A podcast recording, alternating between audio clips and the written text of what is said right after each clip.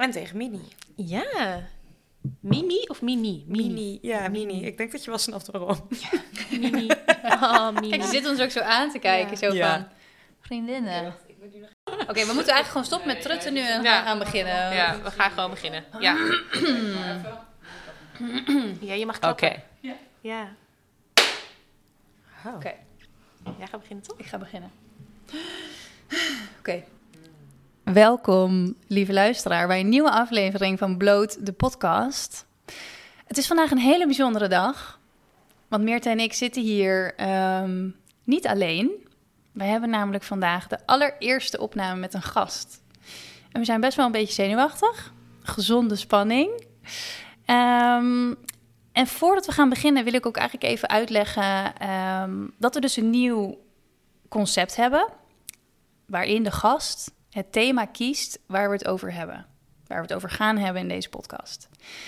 Ehm, en daarvoor gaan wij dus in gesprek met onze allereerste gast. En ehm, wat wel leuk is, is dat wij onszelf hier ook weer een beetje in willen uitdagen. Dus wij hebben ook gevraagd aan onze gast of zij een blote vraag voor ons wil bedenken. Die wij aan het einde van het gesprek gaan beantwoorden. En wij weten er nu dus nog niet wat dat is. Nee. Maakt het nog ietsje spannender? Ja, het is, ik vind het echt heel spannend. Ik merk ook echt wel dat het een, het is een nieuw level podcast opnemen dit. Ja. Ja, ik, ik, we hebben een nieuw level unlocked hier in onze podcast journey. Maar we zitten nog steeds in elkaars aura. dat is wel weer Ja. fijn. Ja. we doen het nog steeds samen. Ja.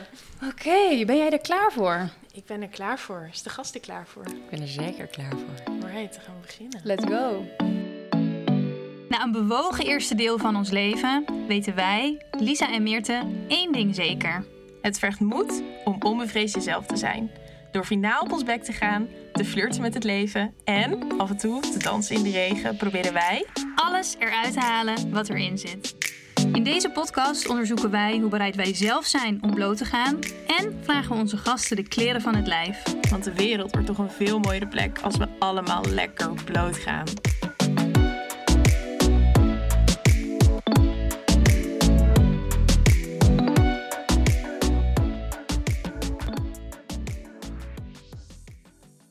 Meerte Eleonore is een van de meest bijzondere vrouwen die ik het afgelopen jaar heb ontmoet. Verliefd op haar beste vriend, waar ze inmiddels samen met haar chihuahua mee samenwoont in Hartje Amsterdam. Dus mocht je eventueel levendige achtergrondgeluiden horen, daar komen ze vandaan. Balans is haar keyword. Ze is gek op feestjes, goed eten met wijn en haar neus in de boeken verstoppen. Ze werd een soort van per ongeluk influencer en snapt er nog steeds de ballen van, zoals ze zelf zo nuchter zegt. Ze zwaait graag met haar 12 kilo kettlebell, iets wat tot haar twintigste verre van vanzelfsprekend is geweest. Toen ze 16 was, droomde ze over kunnen lopen op stiletto's. Niet omdat ze zo mooi zijn, maar omdat ze op dat moment al maandenlang verlamd in, in het ziekenhuis lag. Nadat ook haar organen langzaam begonnen uit te vallen, vertelde haar artsen dat ze beter naar huis kon gaan. Ze leek uitbehandeld. Maar ja, wat doe je als je pas 17 lentes jong bent en weet dat het nog lang niet jouw moment is om te gaan? Juist ja, geobsedeerd raken door gezondheid en jezelf als proefkonijn gebruiken. Ze verslond boek naar boek, probeerde alles wat binnen handbereik was en genas uiteindelijk door een combinatie van verschillende soorten therapieën, voeding en een ijzersterke wilskracht.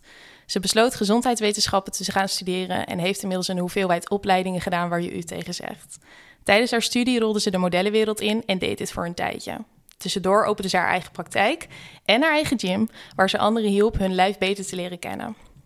Meerte zette dus haar pikzwarte nachtmerrie om in een groot cadeau voor anderen. Want inmiddels heeft ze al meer dan duizenden mensen, voornamelijk vrouwen, geholpen naar een gezondere, sterkere versie van zichzelf.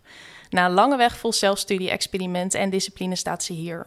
Op dit moment is ze flink aan de weg aan het timmeren en gaat ze, mark my words, de manier van hoe wij kijken naar gezondheid voor goed veranderen. Wij hebben enorm veel bewondering voor haar met hoe zij omgaat met de tegenslagen die het leven haar heeft gegeven. Eén ding weten we zeker: she started from the bottom and now she's here. En vandaag gaat ze met ons bloot over het niet begrepen worden als je ziek bent. Wauw. Welkom, Meerte. Dankjewel. Ik heb, ik heb echt een traan in mijn oog. Zie je dit? Het gebeurt niet snel. Dit is zo'n mooie introductie. Dankjewel. Alsjeblieft. Heel mooi en zo on point. Ja, dankjewel. Hoe voel jij je? Goed en een beetje gespannen. Ik vind het best spannend om bloot te gaan met jullie. Maar ehm, ik heb er ook heel veel zin in. En ook eh, niks liever dan met jullie van vandaag. Oh, dat is zo fijn. Oh, mijn hart. Ik denk ook dat het een beetje hoort, maar in mijn stem ook. Ik ben echt heel zenuwachtig. Wat maakt je dan zenuwachtig? Ik weet niet. Ik vind het gewoon zo tof dat je dit met ons aandurft. En ik voel me ook wel een beetje verantwoordelijk of zo. Omdat Lies en ik natuurlijk inmiddels ook wel weten hoe het is om bloot te gaan op het internet. En we willen gewoon ook dat jij je comfortabel voelt met wat je gaat vertellen. Ja. Dus eh, ja, it's a big thing. Hmm. Ja. Ja. Hey, en-. Wij beginnen onze podcast natuurlijk altijd met een vraag. Ja, En deze vraag gaan we nu aan jou stellen. Wanneer voelde jij het voor het laatst bloot? Nou, dit is zo grappig. Ik kreeg natuurlijk deze vraag al in de, in de briefing. en alleen al die vraag maakte dat ik me zo naakt voelde. En dat ik dacht, deze vraag is gewoon al heftig. Het is een heftige, ik vind het een heftige vraag. Ehm, dus wanneer voelde ik me laatst bloot? Nou, nu. Fully naked. Koppertje. Fully naked. Nee, maar het is, het is een spannende vraag. Omdat je... ehm, Ja, wanneer voel je je nou echt bloot? Weet je wel? Dus inderdaad, het blootgeven over wanneer je je bloot voelt... is al heel... Ik vind dat heel naakt. Ehm, en ehm, maakt ook dat ik, dat ik heel bewust ging nadenken... wat wil ik nou met de wereld delen, wat niet? Weet je, wat... wat processen waar je doorheen gaat. eh, wat, wat, is dan, wat is dan bloot? Ehm, dus ja, nu, ik voel me nu echt butt naked. Ja, Ja. mooi. Vind je het een fijn gevoel? Of is het iets waarvan je denkt, oh, ik wil hier zo snel mogelijk uit? Nee, ik. ehm nou, Meertje, jij kent me natuurlijk een klein beetje. En ik, ik denk dat ik altijd zo, zo open en puur mogelijk ben. Ik heb ook, of course, weet je, ik heb ook veel muren omhoog. En ik heb echt wel bepaalde stukken goed afgeschermd van mezelf. Kwetsbaar zijn vind ik soms lastig. Maar ik denk wel, als je mij een vraag stelt, geef ik altijd een eerlijk antwoord. Ehm, dus nee, ik vind het ook wel prettig. En ik vind het ook mooi om heel bloot naar de wereld te zijn. Omdat ik denk dat iedereen altijd maar denkt dat alles heel goed gaat en heel mooi is. En dat iedereen alleen maar lacht. En eh, eh, als je mijn Instagram bijvoorbeeld opent, zie je heel veel lachende beelden van mij. En ja, eh, ik denk dat ik 80% van de tijd lach. Maar dus ook 20% van de tijd dat ik zielig op de bank zit hoor. En dat ik echt helemaal het leven niet zo leuk vind. Dus eh, nee, ik vind het ook heel mooi om, om wel bloot te gaan. Juist over dingen die kwetsbaar zijn. En juist dingen die ik niet zo leuk vind. Dus ehm, Ja, ja, dit vooral. Dit vind ik leuk en spannend. ja. That's why we're here. Ja. Ja, Ja, en ik zei het natuurlijk net al even in de introductie, maar we hadden eh, aan jou gevraagd van waar zou je met ons bloot over willen gaan? En Hmm. jij bent natuurlijk langdurig ziek geweest en ehm, je daar ook heel vaak niet begrepen in gevoeld. Ja. En ehm, ik ga eerst even kort voor de luisteraar. Ehm, er is natuurlijk sowieso een verschil tussen kort en langdurig ziek zijn. Ja. En daarin is dus ook het verschil over hoe je wel of niet begrepen wordt. En daarnaast heb je ook nog een verschil tussen erkend ziek zijn of niet gediagnosticeerd, wat natuurlijk ook een grote invloed heeft of op je wel of niet begrepen wordt. Want op het moment dat jij Ja. fysiek letterlijk je arm hebt gebroken, ben je ziek. Maar op het moment dat je Ja. bijvoorbeeld darmpijn hebt, maar niemand weet waar het vandaan komt, is het al veel moeilijker voor jouw omgeving om je te begrijpen. En er is ook nog een verschil tussen fysiek en mentaal ziek zijn. Dus dat wil ik sowieso even benoemen. Dus het is heel erg vanuit onze ervaring, vanuit in dit, dit geval dus de ervaring van Meerte. En eh, ik ben natuurlijk ook nog even de cijfers ingedoken. En heel Mhm. eerlijk, wij zijn daar echt van geschrokken. ja. Ehm, Wat zeggen de cijfers? Ik ben wel de cijfers eigenlijk. vertellen dat op 1 januari 2020 Ja. ruim 10,2 miljoen mensen in Nederland, dus 59% van de Nederlandse bevolking, één of meer chronische aandoeningen had. Ehm, en een chronische aandoening is, gaat dus over een aandoening die over het algemeen geen uitzicht heeft op herstel. En hebben ze het dan over fysiek of mentaal? Eh, dat is in het dit is dit is, gewoon chronische aandoeningen. Ehm, en 43% is daarvan jonger dan 40 jaar. Wauw. Ehm, en nee, dat, is- dit zeg ik verkeerd. 43% van de mensen onder 40 jaar eh, is chronisch ziek. En in de totale bevolking heeft, hebben meer vrouwen last van chronische aandoeningen dan mannen. Dus dat is ook nog wel. Wij, wij schrokken hier echt van. Ja. Ik, schrik, van, ik schrik wow. er ook van dat ik dit hoor. En ja, ik, ja, ja dat is, dit is heftig. Dit is maar ook. Dit is groot. Ja, en Ja. daarom denk ik ook zo mooi. Dit, dit, ja, dit bevestigde voor ons heel erg hoe belangrijk het is dat wij hier met jou over gaan praten. Omdat Ja. zoveel mensen zich, denk ik, onbegrepen voelen op het moment dat je ziek bent. Ja.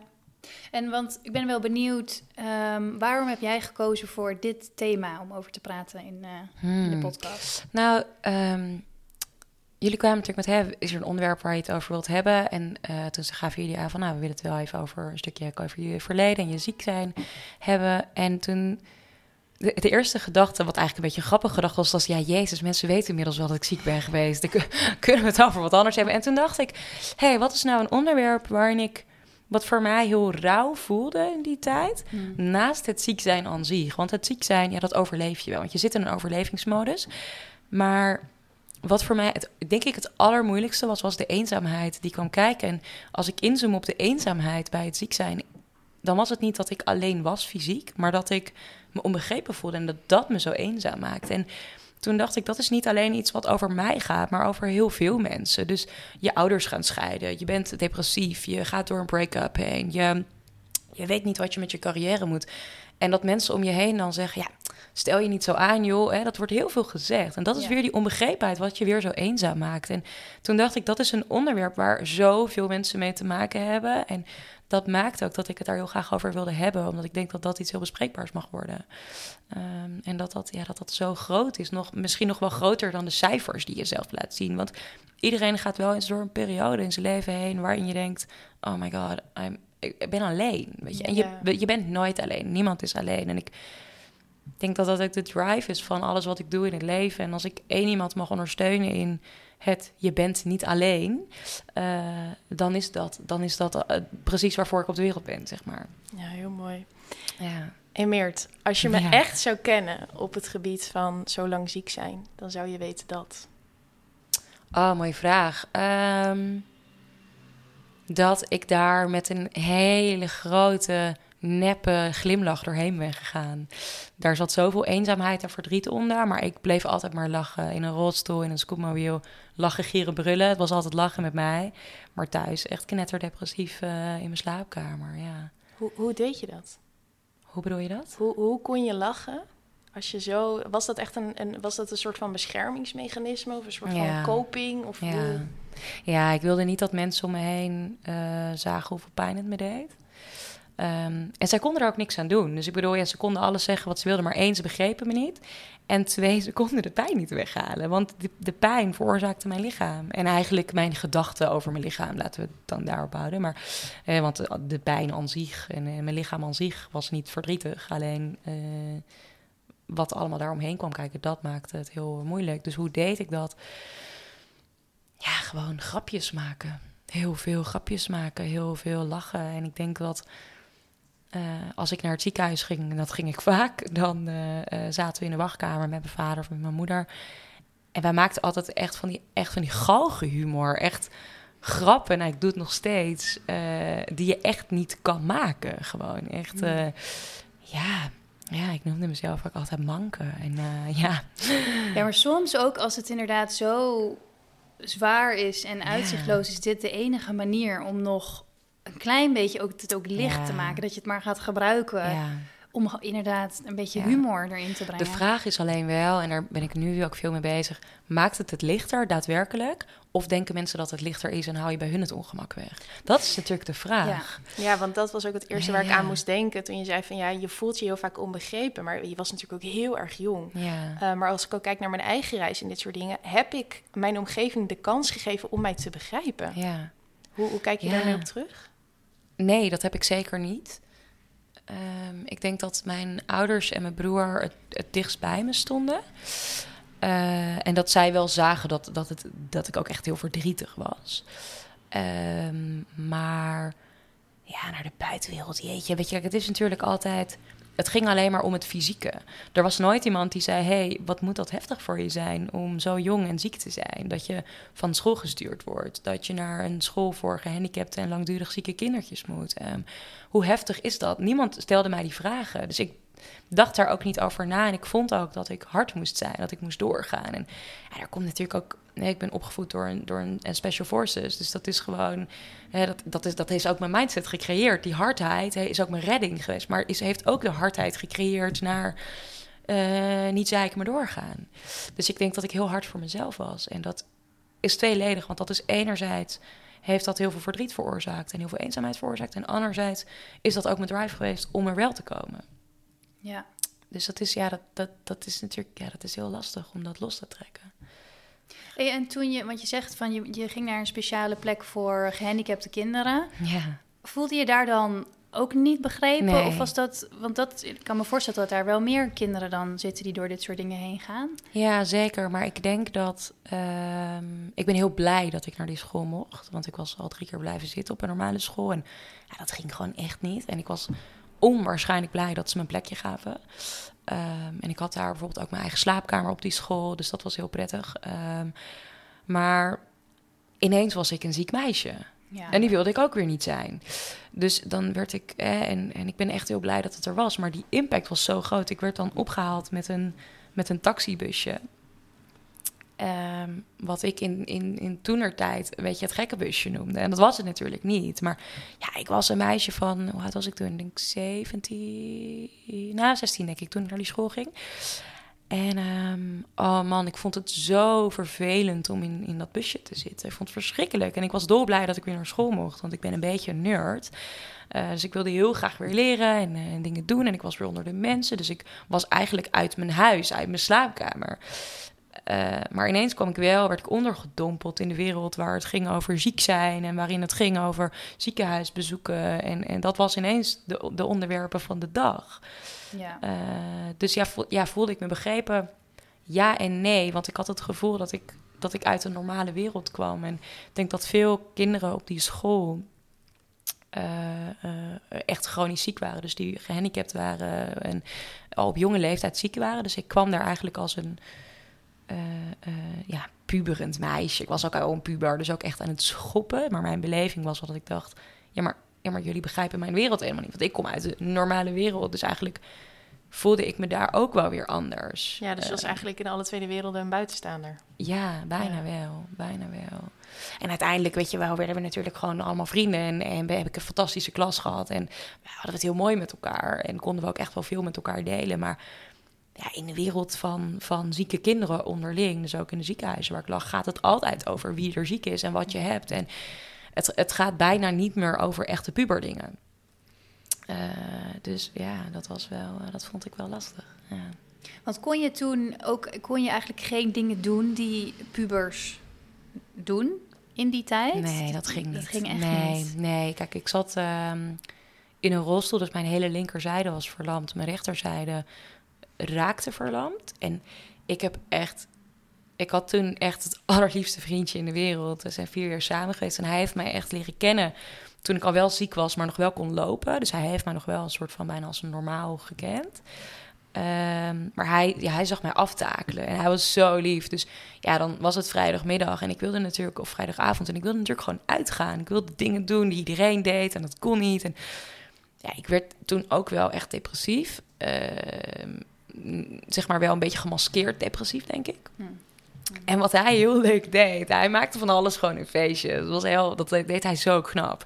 Dan zei hij gewoon, oké, oké, ehm, wat wil je doen? En dan zei ik, ja, ik weet niet, kan niet.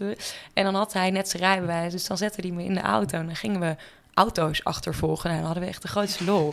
ja, ja, wij konden gewoon urenlang in de auto zitten. En dan gingen we auto's achtervolgen en dan ver- verzonnen we hele verhalen. Van, ah ja, deze gaat nu eh, daar en die gaan dat doen. En, ja, dat was echt hilarisch. Echt, ehm, Wauw. ja, dan luisterde gewoon muziek in de auto. En ehm, hij heeft me ook wel... eh, ik was toen een soort van eh gabber. Het was heel grappig. Je had toen natuurlijk al die subculturen. En, Ja. Nu Ik stel was- ik me weer echt voor, inderdaad, met, eh met een trainingspakje of zo. ja, ja, Of, eh, ja, die was ik ook. Op Nike's. Had, je, had je vriend dan ook zo'n zo'n kale kop of dat niet? Nee, dat had, hij, nee, dat had hij niet. Dat had hij niet, maar dat had hij volgens mij wel gehad daarvoor. Maar eh, nee, ja, dus wij gingen naar hardcore, hardcore luisteren en dat soort dingen. En ik wilde zo graag naar een hardcore feest, maar dat ging natuurlijk echt niet. En een gegeven moment had hij bedacht, nou, eh, eh, hij kwam dan uit Zeeland en wij hebben in het dorp was er op een gegeven moment een eh, echt een groot hardcore feest. En toen had hij me meegenomen. Nou, dit was echt, ik keek er natuurlijk al weken naar uit. En ja, toen na een half uur was het echt gewoon klaar. Moest ik gewoon naar huis. En toen, hij was gewoon heel lief. En dan zei hij gewoon, oké, nou, dan hebben we een half uur lol gehad. Dit was top. We gaan naar huis. En dan gingen we naar huis. En dan lag ik weer twee weken op bed. Dus dat was wel... Dus ja, kon ik doen wat pubers deden? Nou, die dingen wel. Maar dat, ik denk dat we die op één hand kunnen tellen, hoor. Was hij iemand die jou wel begreep? Nee, maar hij deed wel zijn best om mij te begrijpen. Ja, ja dat deed hij wel. En ik denk dat, dat, dat, dat eh, hij en mijn ouders hebben daar echt een hele grote rol in gespeeld. Ja. Kan je je nog herinneren wat je deed op de momenten dat je... Nou ja, het was waarschijnlijk voor jou heel erg de eenzaamheid. Was je daar Ja. op dat moment bewust van? Of is dat nu dat je terugkijkt en dat je denkt van... oh ja, toen werd ik niet Mm. begrepen, toen voelde ik me eenzaam. Hoe, hoe was je bewustzijn toen? Nou, ik denk dat ik best wel al, eh, ehm, al best wel wijs was op die leeftijd.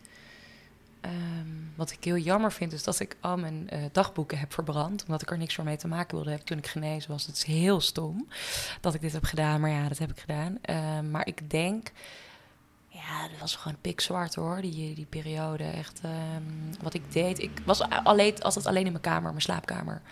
Eh, was ik muziek aan het luisteren. En dat is wel grappig, ik weet niet of überhaupt iemand dit weet, maar het is best wel geestig om te delen. Is dat, we hadden toen MSN, ik weet niet of je nog uit eh, MSN. En dan kon je in je ondertitel kon je een tekstje zetten, maar Ja. dan kon je ook een, eh, laten zien welke muziek je aan het Ja. luisteren was. Nou, Oh, dat herken ik helemaal niet. Ja, ja, dat was echt top. En omdat ik natuurlijk een beetje in die gabber subcultuur zat, moest, had ik ook wel echt een houding op te houden. Dus wat deed ik nou? Ja, het is echt, het is, ik schaamde me bijna voor. me, Want wat deed ik nou? Dan had ik eh, op, eh, hoe heette dat ook weer, zo'n eh, zo'n muziekplaylist die je er dan aan kon koppelen. Zo'n programma was dat. In, en dat had ik dan, daar had ik dan allemaal hardcore nummers aan. Maar dan had ik in LimeWire, dat was dan weer zo'n ander Oh programma ja. ja. had ik dan gewoon hele zielige liedjes van Marco Borsato aanstaan. ja, het is echt schandalig. Ja, dat deed ik. En dan, ja, dan, dan was ik ondertussen, zat ik gewoon heel zielig te huilen achter mijn webcam. Nou, niet achter mijn webcam, maar achter mijn computer. Maar die muziek, ja, die was natuurlijk gewoon heel depressief. En iedereen dacht gewoon, nou, die zit lekker te hakken in de slaapkamer of zo. Ja, dat was echt... Dus dat deed ik. Ja, ik, ik was echt wel een soort van de... de ja, ik verborg dat ook echt. ja. Ja. Maar was dat dan omdat je je ervoor schaamde? Dat je dan... Nee. nee, ik schaamde me niet. Eh, wat er wel gebeurde was dat ik... Kijk, het, het ziek zijn één is een ding. Dus daar raak je al heel veel mensen mee kwijt. Want je kan niet mee naar dingen doen. Je kan heel veel dingen niet. Dus dan valt, het, valt al heel veel af. En depressief zijn is twee. Dus als je eh, depressief bent, is dat... Mensen hebben toch geen zin in zeurende mensen, was mijn overtuiging. Dus ja, als ik hier nu weer zit te zeuren over hoe ziek ik ben, dan raak ik nog meer mensen kwijt. Dan vinden mensen me helemaal niet meer leuk. Ehm, en wat ik niet begreep, was dat zij er gewoon niet mee om kunnen gaan. Maar ik dacht, ik doe iets verkeerd. Ik mag niet verdrietig zijn. Eh, terwijl ik alle reden daartoe had. Maar ik, ja, dus, dus dat was waarom ik dat deed. Dat ik zo bang was om afgekeurd te worden. En dat is natuurlijk op die puberleeftijd. Doet iedereen een soort. Hè, we, we gaan ons allemaal binnen bepaalde, bepaalde perken, zeg maar, gedragen. om maar ergens bij te horen. Ja, waar kun je bij horen als je in een rolstoel zit? Ja, ben je door een bastards of zo? Maar heb je het wel gehad, weet je? Ja, toch? Ja, dan heb je het wel. Ik bedoel, de enige aansluiting die ik had waren met bejaarden. Hè? Ik bedoel, laten Ja. we wel wezen. Dus ja, Ben, je, ben je ook veel vriendinnen kwijtgeraakt in die periode? Ja, heel veel. Maar dat kwam ook omdat... Dat had niet met, met, echt met hen te maken, denk ik. Kijk, Je bent jong en Ja. waar het om gaat is met, met wie heb je verkering? Waar ga je uit? Welke nieuwe schoenen heb je gekocht? Welke merkkleding draag je? Ja, daar was ik helemaal niet mee bezig, joh. Ik was alleen maar bezig met shit. Welke medicijnen moet ik hoe laat nemen? Daar was ik natuurlijk mee bezig. Dus eh, ja, ik ben veel mensen verloren. Maar ook, ehm, ik bleef natuurlijk vaak zitten. Dus hè, ik ging naar school. Ik was al bijna nooit op school. En de, de aansluiting die je maakt is als je op school bent. Dus ik was er bijna nooit. En ja, als ik er was, ja, mensen begrepen natuurlijk helemaal niks van mij. Ehm, ja, als ik nu ook foto's terugzie, ik had een soort van stalen gezicht. En eh, ik was echt super lijkbleek eh, en heel dun, want ik kon natuurlijk ook niet echt wat eten door mijn ziekte. Eh, maar ik had wel, eh, als een gabbertje kwam ik binnen, weet je wel. Dus het, het is een soort van hele gekke mix van... En nu snap ik, ja, dat was een soort van houding ophouden. Ja. Eh, maar ja, wat, wat, wat snapt een kind daarvan? Ja. Begrijp je? Dus ehm, geeft dat antwoord op je vraag? Ja. Ja. Ja. ja, zeker. Jeetje. Ja, ik vind ook wel, want kijk, we kennen natuurlijk wel eh, je verhaal, maar Ja. om nu het ook zo van jou te horen en wat verder de diepte in te gaan, Ja. ga ik me ook een beetje me dat zelf voorstellen van, dat je dat een beetje zo op jezelf gaat betrekken van, op je eigen kindertijd, denk ik, jeetje, ja. echt heftig. Ja, en het is ook, weet je, want eh, mensen zijn wel eens van, oh, maar eh, ja, kinderen heb je dan laten vallen. De, daar zijn mensen dan boos over. En ik ben daar helemaal niet boos. Daar was ik toen al niet boos over, want dan zei ik, ja, ik begrijp het wel. Ik bedoel, wat, wat heb je nou, nou te zoeken bij een meisje die, die jankend van de pijn op de bank ligt? Ja, dat is niet heel gezellig. Weet je, wat, wat wil je daarin doen? eh, kijk, nu, als je vriendschappen nu hebt, we zijn wat ouder, we begrijpen wat meer en we kunnen daar wat, wat beter in invoelen. Hè? Wat je ook zegt van ja, ik ga er wat meer op invoelen. Dan is dat heel anders. Maar op die leeftijd, dat gebeurt gewoon niet, joh. Dat gebeurt echt niet. Nee. en zelfs nu merk je het ook. Het is nog steeds moeilijk, ook voor volwassenen, om als iemand inderdaad ziek is, Ja, fysiek of mentaal, ja, om daarmee om te gaan. Heel veel mensen weten helemaal niet nee, wat daarin nee. nodig is voor de ander. Nee, dat. En je moet ook zelf maar de headspace hebben. Ja. Dus ik bedoel, ja, dat is, dat is best wel... eh, ja, dat is heel heftig hoor. Ja, gewoon het... Ik denk dat het ziek zijn... eh, ik zei het ook altijd tegen mijn, mijn ouders, mijn broer en mijn toenmalige vriend... van hey, het, het ziek zijn aan zich is voor mij heel erg ingewikkeld. Maar voor de mensen eromheen eigenlijk misschien nog wel ingewikkelder. Ja. Eh, dat denk ik serieus.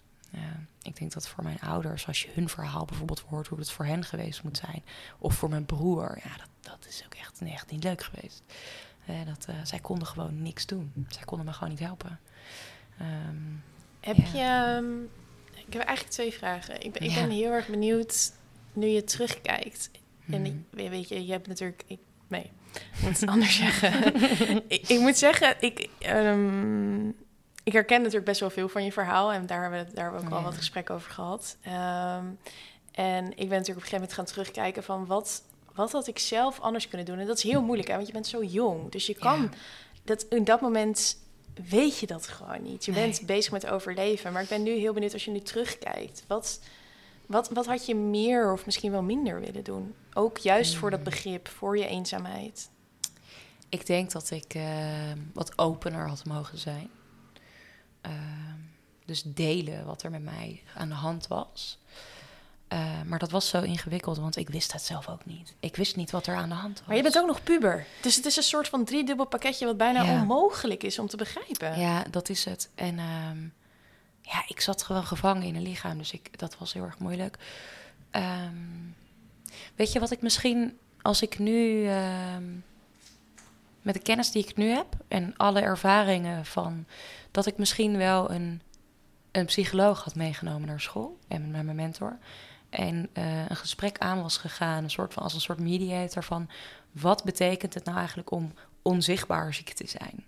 En dat geldt bijvoorbeeld dan voor een depressie. Maar dat geldt ook voor, kijk, bij mij een gegeven moment zat ik in een rolstoel. Maar daar ging net nog een heel ziekteproces voor, aan vooraf. Waarin ik onzichtbaar ziek was. Ik kon lopen, ik kon bewegen, ik kon lachen, ik kon praten. Ik kon eigenlijk alles. Maar ik kon bijvoorbeeld niet mee gimmen. Eh, dus mensen dachten, ja, die heeft gewoon geen zin, die stelt zich aan. Dus misschien dat je een psycholoog mee naar school eh, had, had kunnen nemen, had dat misschien kunnen doen. En gewoon van, hé, hey, wat betekent dit nou voor iemand? En ook, hebben jullie vragen over dit proces? Dus dat, we, dat je een klas een soort van ook meeneemt in dit verhaal. En dat is misschien precies hetzelfde op een, op een werkvloer. Dus stel, ik zou nu met 33-jarige leeftijd... Stel, ik zou in de corporate werken, dus of ik zou voor een baas werken... en dit zou me overkomen, dan zou ik misschien wel, wel een gesprek aangaan van... hé, hey, hoe ervaren jullie dit? En wat zijn de vragen die er in jullie hoofd opspelen? Heel mooi. Heel mooi, want dit zou ook zoveel dat, dat jij je toen niet begrepen voelde. Of waarschijnlijk Ja. zijn er heel veel mensen die zich, die zich heel eer in herkennen, die zich niet begrepen voelen. Ik denk dat je daar heel veel begrip ook mee Ja. opwekt. En dat gevoel bij jezelf ook veel minder wordt, omdat die mensen je dan ook inderdaad veel beter gaan begrijpen. Ja, ja ik denk dat ook. Ja, Echt weer het bloot gaan. ja, is, ja, komt allemaal neer op blootgaan. Uiteindelijk is dat het. En ik denk dat kwetsbaar, kwetsbaar zijn en een kwetsbaar gesprek met iemand voeren... iemand moet de eerste zijn die blootgaat. Wij denken altijd maar dat we maar gewoon bloot moeten gaan... en dat we gewoon maar lekker kwetsbaar zijn. Dus bijvoorbeeld de vraag, waar schaam je je voor? Ja, als ik dat random aan een vriendin vraag... dan, nou, dan geven ze misschien antwoord. Maar als ik dat aan iemand anders vraag... vaak gaat het ervoor af van... joh, hey, ik schaamde me voor dit en dit en dit. Schaam jij je ook voor iets? Dus de, de ene gaat kwetsbaar zijn en dan gaat de ander mee. En ik denk dat... Ja, in zo'n geval, dat is heel spannend natuurlijk. Want je bent al ziek, dus je bent al de kwetsbare van de twee. Ehm, maar ik denk wel dat dat, dat, dat iets heel... Het, het opent. En ik denk ook dat iedereen dan beter begrijpt waar, waar het doorheen gegaan wordt. Ja. Ehm, bij mij gingen er bijvoorbeeld heel veel verhalen in de ronde. Dat ik, wat ik dan allemaal zou hebben. Of dat ik, dat ik helemaal niet ziek was. Dat ik het verzon. En dat maakt nu ook dat ik soms het spannend vind om een verhaal te delen. Dat ik denk, ja, straks denken mensen dat ik lieg. En dat komt daar vandaan. Want ja, dat, dat was gewoon een meisje die dat leuk had bedacht. Eh, ja, en ik was, ik was ziek thuis, dus ik had geen ruimte om me te verdedigen. Ehm, dus dat, ja, ik denk dat, dat, dat je zelf antwoorden mag geven op vragen. Ja, en dat, dat is ook wel, denk ik, gelijk een mooi bruggetje naar... ehm, hoe heeft deze periode effect op jou nu, zeg maar, in jouw dagelijks leven? Wat merk je, wat merk je niet? Mooie vraag vind ik dat. Ehm, nou, ik denk dat. ehm, ik denk dat ik sowieso heel anders kijk en denk naar de wereld. Dus als ik bijvoorbeeld, dit is echt een heel eh, bijna banaal voorbeeld, maar als ik een, een hele dikke vrouw op straat een patatje zie eten, ik denk dat veel mensen daarover oordelen en zeggen: Nou, dat moet je niet doen, of eh, zie je, daarom is ze zo dik. En ik denk dan: We don't know her story. Ik weet niet. Misschien heeft ze wel eh, wekenlang een dieet gevolgd en is al 20 kilo afgevallen. We weten het niet. We weten niemands verhaal. En ik denk dat dat, dat mij heel erg heeft gevormd. Ehm, dat ik zo min mogelijk probeer te oordelen. Ehm, en dat ik eigenlijk voor de meeste mensen wel lief ben. Eh, ik had toevallig gisteren met mijn vriend daar een heel mooi gesprek over. Die zei: Het leukste aan jou vind ik dat je eigenlijk voor iedereen heel lief bent. Eh, en toen dacht ik: Ik doe dat niet om te compenseren. Ik, doe, ik, ik wil gewoon heel lief voor iedereen zijn. En soms ook spannend, want mensen kunnen daar natuurlijk ook heel erg misbruik van maken. Maar ik wil gewoon echt dat iedereen zich gezien en gehoord voelt. Ehm, dus ziet iedereen, of voelt iedereen zich altijd gezien en gehoord bij mij? Dat weet ik niet, maar ik probeer dat wel. Dus dat heeft me wel gevormd. Ehm, maar ik denk ook, dus dat is een heel positief stuk. En als we kijken naar wat negatiever stuk, of een wat stuk waar ik nu bijvoorbeeld over aan het werk ben, is dat ik het soms heel moeilijk vind om heel kwetsbaar te zijn. Dus dat ik. ehm, nou, ik heb denk ik een, een cirkeltje die heel veel van mij weten. Waarin ik heel kwetsbaar ben en heel open en heel veel mee deel, maar ook alles mee deel. Eh, maar iedereen daarbuiten, ja, ik kan ik wel heel erg verhard zijn. Ja. ja, ik kan ook wel gewoon, eh, ja, wat afstandelijker zijn, zeg maar. En dat is niet omdat ik mensen niet, niet leuk vind. Dat heeft dan niks met hen te maken, maar dat heeft dan meer te maken met mij. Ik denk, nou, voor mij mag je wel daar blijven. Eh, want ik heb mijn cirkel en ik, die vertrouw ik en die ken ik. En, dus dat maakt ook wel dat ik minder snel mensen vertrouw, denk ik. Ja.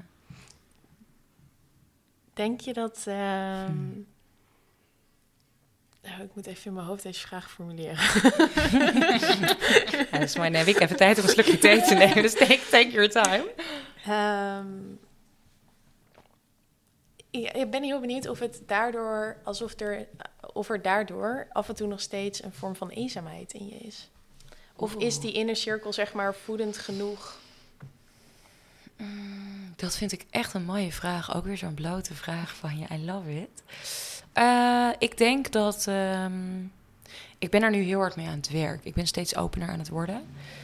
Ehm, en ik denk dat ik juist nu naar de mensen om me heen wat eerlijker durf te zijn. En ehm, ja, ik denk dat ik nu ook meer mensen om me heen aan het verzamelen ben waarbij dat mag. En waarbij ik, waarbij ik me veilig voel om dat te doen. Ja. Heel Mooi. mooi. Ja. En, en ik ben ook wel benieuwd. ehm want je zei natuurlijk net, als jij eh, als eerste iets kwetsbaars deelt, of je zegt van nou, ik schaam me hiervoor, heb jij dat ook? Ehm, heb jij het gevoel dat nu door het delen van jouw verhaal, want volgens mij ben je dat nu ook iets meer aan het doen, hè? Dat je Ja. natuurlijk ook bij ons in de podcast komt Mhm. eh, en je doet met meer van dit soort dingen aan het doen, ja. dat jij ook een soort missie hebt om ehm, door dit te delen, dat je andere mensen daar misschien mee kan helpen? Ja, dat denk ik wel. En dat is, dat is ook weer heel tweeledig. Want enerzijds denk ik, ja, ik hoop dat ik hier iemand mee mag inspireren en helpen. Ik vind inspireren echt een, echt een kotswoord, maar goed. ja, ik denk dat je snapt wat ik bedoel.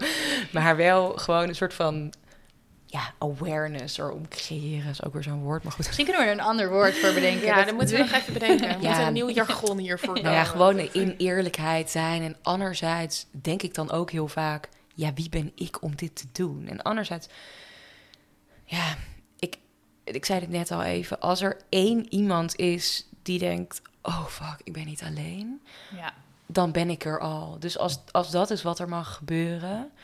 ehm, dan vind ik dat al heel mooi. En hey, het is ook spannend hè, om hier bloot over te gaan. Voor mij ook. Ik voel me ook heel kwetsbaar, want dit is echt het meest naakte wat ik heb. Ehm, dus als iemand tegen mij zegt: Ik vind je niet aardig, of ik vind je niet mooi, of ik vind uh, je werk stom, of ik vind je chihuahua lelijk, of ja, dan denk ik: Ja, ja jammer voor jou. ja, dat is letterlijk wat ik denk. Maar bij, ja, maar bij dit is het, het is iets zo kwetsbaars. Het is, iets, het is mijn fundament. Hè? Het, is, het heeft gemaakt wie ik ben. Um, dus stel je voor, je hebt iets, iets heel vervelends meegemaakt. Ik roep maar wat. Je, je ouders zijn, zijn gescheiden op jonge leeftijd. En je, je bent daardoor door best wel een, een bepaalde overtuigingen gegaan. Oh, het is allemaal mijn schuld, het komt door mij. Want dat zijn vaak overtuigingen die daarbij komen kijken. En dat iemand dan zegt... Nou, ik vind het zo'n onzin dat je ouders zijn gescheiden... en dat jij dat jezelf bent gaan aantrekken. Maar het is het kwetsbaarste wat je hebt. Terwijl voor iemand anders is dat niet iets kwetsbaars. Uh, want dan denk je, ja, uh, maar iemand anders kan jouw verhaal niet invullen. Kan niet.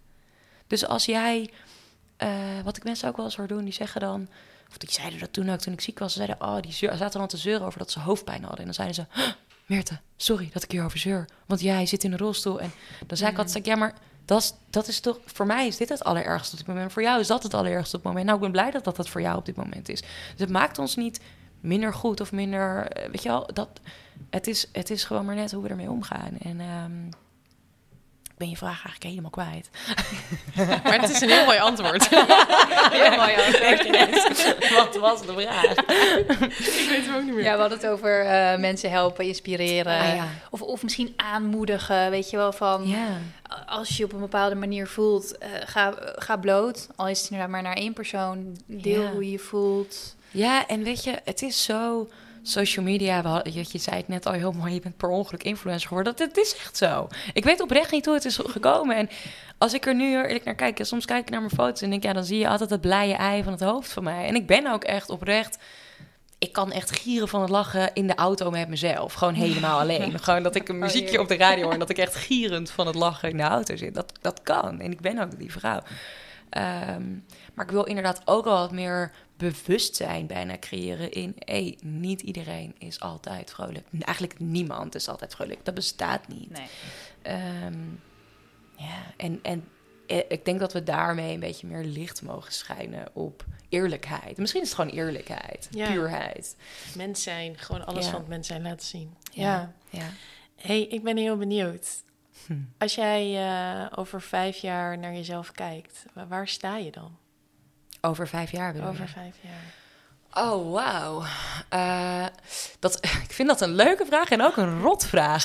Want daarmee, meert. ja, ja, want daarmee stippel ik mijn plan uit. Als ik hem al over vijf jaar moet uitstippelen, vind ik ingewikkeld. Maar ik hoop ja, dat ik, dat ik uh, dat mijn boek klaar is. Uh, ik wil heel graag mijn verhaal vertellen. Vind ik, again, heel, heel spannend over vijf jaar hoop ik wel echt dat ik, uh, dat ik moeder mag zijn. Dat is wel echt een grote droom van mij. Um, ja, en dat ik mijn business gewoon heb uitgerold. Dat ik gewoon heel veel mensen mag helpen in hormonen, gezondheid. Uh, echt een holistische gezondheid. Dat is wel, als ik, um, als ik dat mag uitbreiden in welke manier dan ook, hoe dat er dan ook uit mag zien. En uh, ja, meer gesprekken voeren over dit soort, dit soort onderwerpen. Ja. Mooi. Mooie droom. Ja. ja. Nu heb je het uh, out there gegooid. Ja.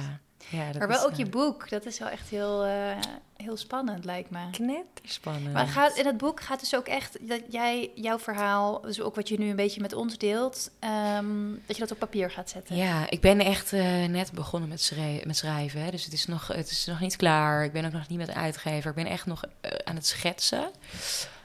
Um, en ik vind dat doodeng, man.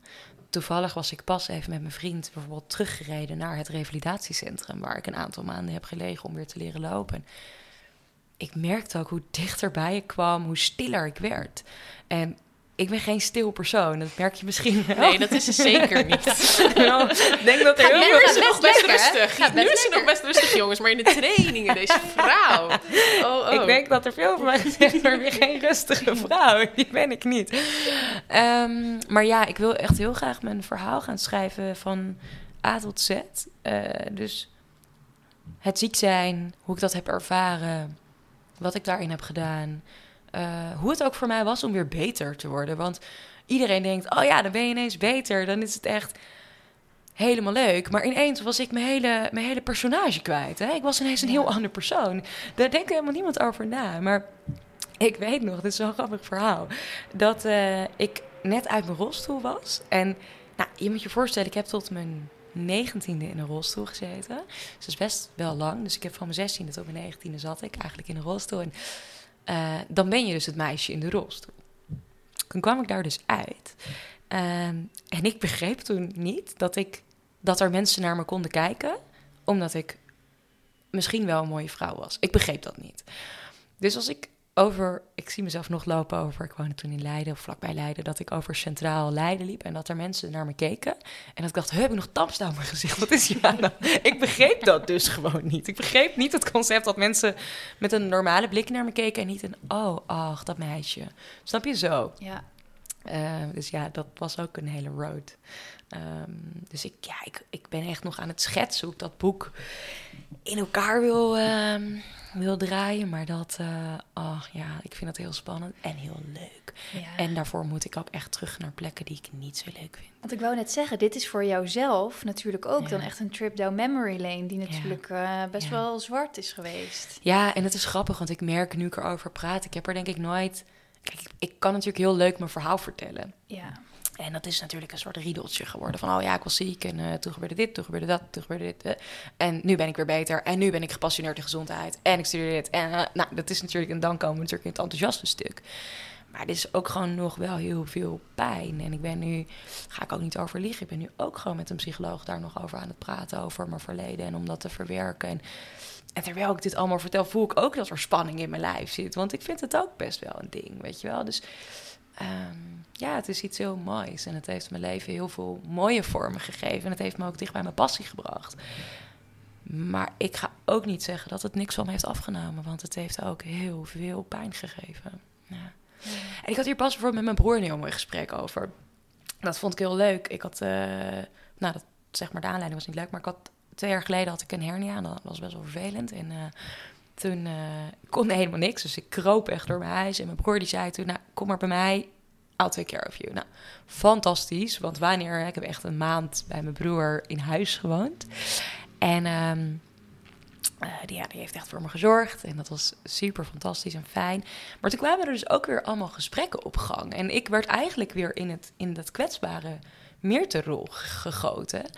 En toen zei ik ook tegen hem, zei heb ik jouw jeugd verpest? Want papa en mama, dus onze ouders, die waren altijd bij mij bezig. Het draaide eigenlijk heel veel om mij. En ik heb me daar heel erg rot over gevoeld naar mijn broer. Ik vond dat verschrikkelijk, omdat uh, mijn broer mocht daardoor niet mijn broer zijn, maar was altijd de broer van het zieke meisje. En, uh, en toen zei hij echt, huh? heb je dat zo ervaren? Toen ik vond het wel lekker dat ik mijn eigen gang mocht gaan.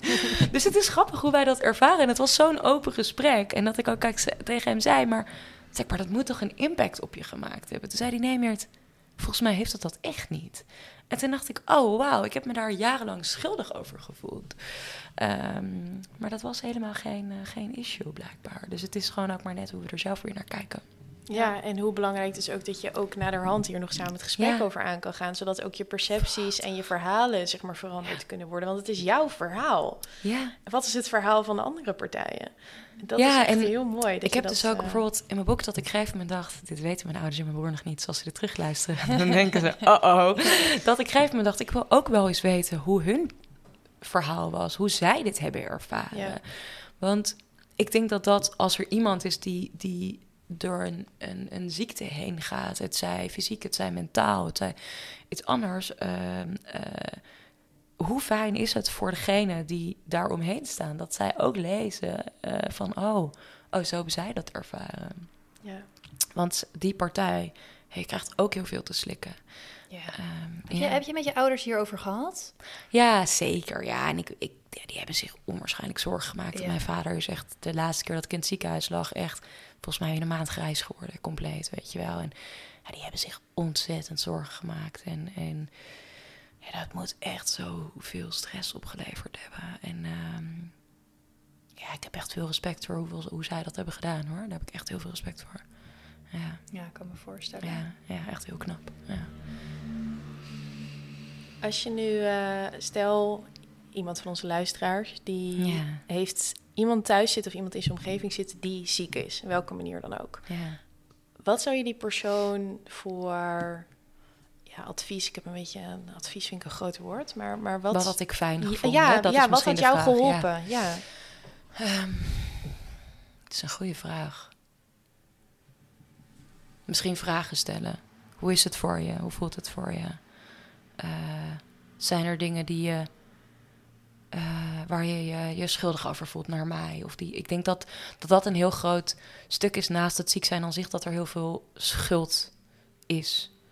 Ehm, van, oh, nu gaat het over mij. Eh, nu, ehm, de vraag was namelijk altijd als ze kerst vierden, of als, de vraag was altijd, hoe is het met Meerte? En ik vond dat verschrikkelijk, want dan ging het weer over mij. Ehm, en eh, ik denk dat dat misschien ook gewoon over leuke dingen hebben. Is gewoon, ik wilde ook gewoon weten, wat maak je mee? Wat, hoe is het normale leven? Ik had geen idee, joh. Ik had geen idee meer hoe de, hoe de wereld buiten mijn ziekenhuismuren was. En thank the Lord voor inderdaad de verhalen van mijn broer over school gaan. Eh, ik vond alles leuk. Eh, eh, mijn vriendje die gewoon me ook soort van meenam in de wereld. Dus wij gingen ook echt als befaamde gabbers hangen in de auto met andere gabbers op parkeerplaats. Want ja, dat gebeurde gewoon. Dus ja. Ja. En dan was ik niet het zieke meisje, maar was ik gewoon die chick die lekker in die auto zat. Ik bleef gewoon in die auto zitten. Ja, dus dan, dat je eigenlijk gewoon behandeld werd als, ja. Ja. ik wil zeggen, een normaal persoon, maar in ieder geval gewoon Ja. niet ziek. Nee, Gewoon ik, als Meerte. Gewoon als, ja. Ja. ik heb heel lang, schappig, mijn, eh, eh, ik heb heel lang de naam gewoon Meert gedragen. Eh, eh, mijn, eh, een van mijn bedrijven heet ook gewoon Meert. En dat kwam er echt vandaan dat ik gegeven moment tegen mijn vader zei... ik wil gewoon Meerte zijn. Ik wil niet het zieke meisje zijn. Ik wil niet het meisje in de rolstoel zijn. Ik wil niet het meisje zijn wat opgegeven is. Ik wil niet dat iemand weet dat ik ziek ben. Laat me gewoon Meerte zijn. Ehm, dus als mensen aan mij vroegen... wat, wat doe je in het dagelijks leven? Als ze me gewoon, toen ik uit mijn rolstoel was en toen ik wel heel ziek was. Maar toen zag je niks meer aan me. Dan zei ik zo min mogelijk en dan ging ik keihard lachen. En dan ging ik gewoon over iets anders praten. Ik wilde er gewoon niet meer over praten. En, en, en dat is weer, dus zo weer tweeledig, want ik wilde er niet over praten. Maar ik wilde eigenlijk wel dingen delen. Maar dat deed ik natuurlijk niet meer. Nee. Nee. Dus ja, wat zou ik mensen als. Wat zou ik mensen meegeven? Jezus, vraag gewoon waar diegene behoefte aan heeft. Misschien is dat het allerbeste antwoord. Want wat voor mij fijn was, had voor jou helemaal niet fijn geweest. Of. Ik bedoel, jij hebt ook veel meegemaakt. Ja, is dat hetzelfde? Nee, maar het, het bespreekbaar maken, Ja. ik denk dat dat, dat geeft voor jou, voor, voor jou een opening van, oh, oké, dan hoef je het dus niet alleen te dragen. Dan mag je dus aangeven wat je prettig vindt. En wat je misschien helemaal niet prettig vindt. En dat kan per dag, per keer veranderen. Misschien kan iemand vragen, hey, wil je het er vandaag over hebben? En zegt die persoon, nee man, vandaag even niet. En misschien zegt hij, ja, ik struggle hiermee. Ik denk dat je daar iemand het beste mee helpt. En eigenlijk niet alleen in het ziek zijn, maar in alles, hè? Ja, Ja, zeker. dit is eigenlijk inderdaad gewoon iets wat we in het dagelijks leven veel meer zouden moeten doen. Ja. Vragen stellen aan elkaar. blootgaan. Blootgaan.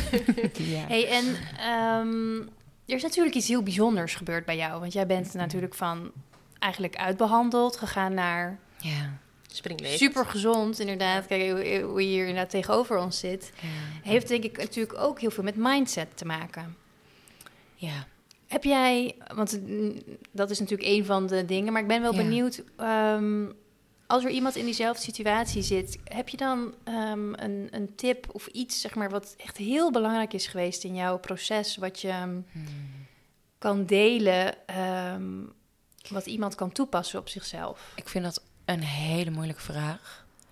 Ehm, ik vind dat een moeilijke vraag, omdat geen enkele situatie kunnen we met elkaar vergelijken. Wat voor mij heel erg heeft geholpen was. ehm, ik las het boek The Secret. Dat was denk ik een van mijn grootste cadeaus. Ik kreeg het boek The Secret vlak voordat ik het revalidatiecentrum inging.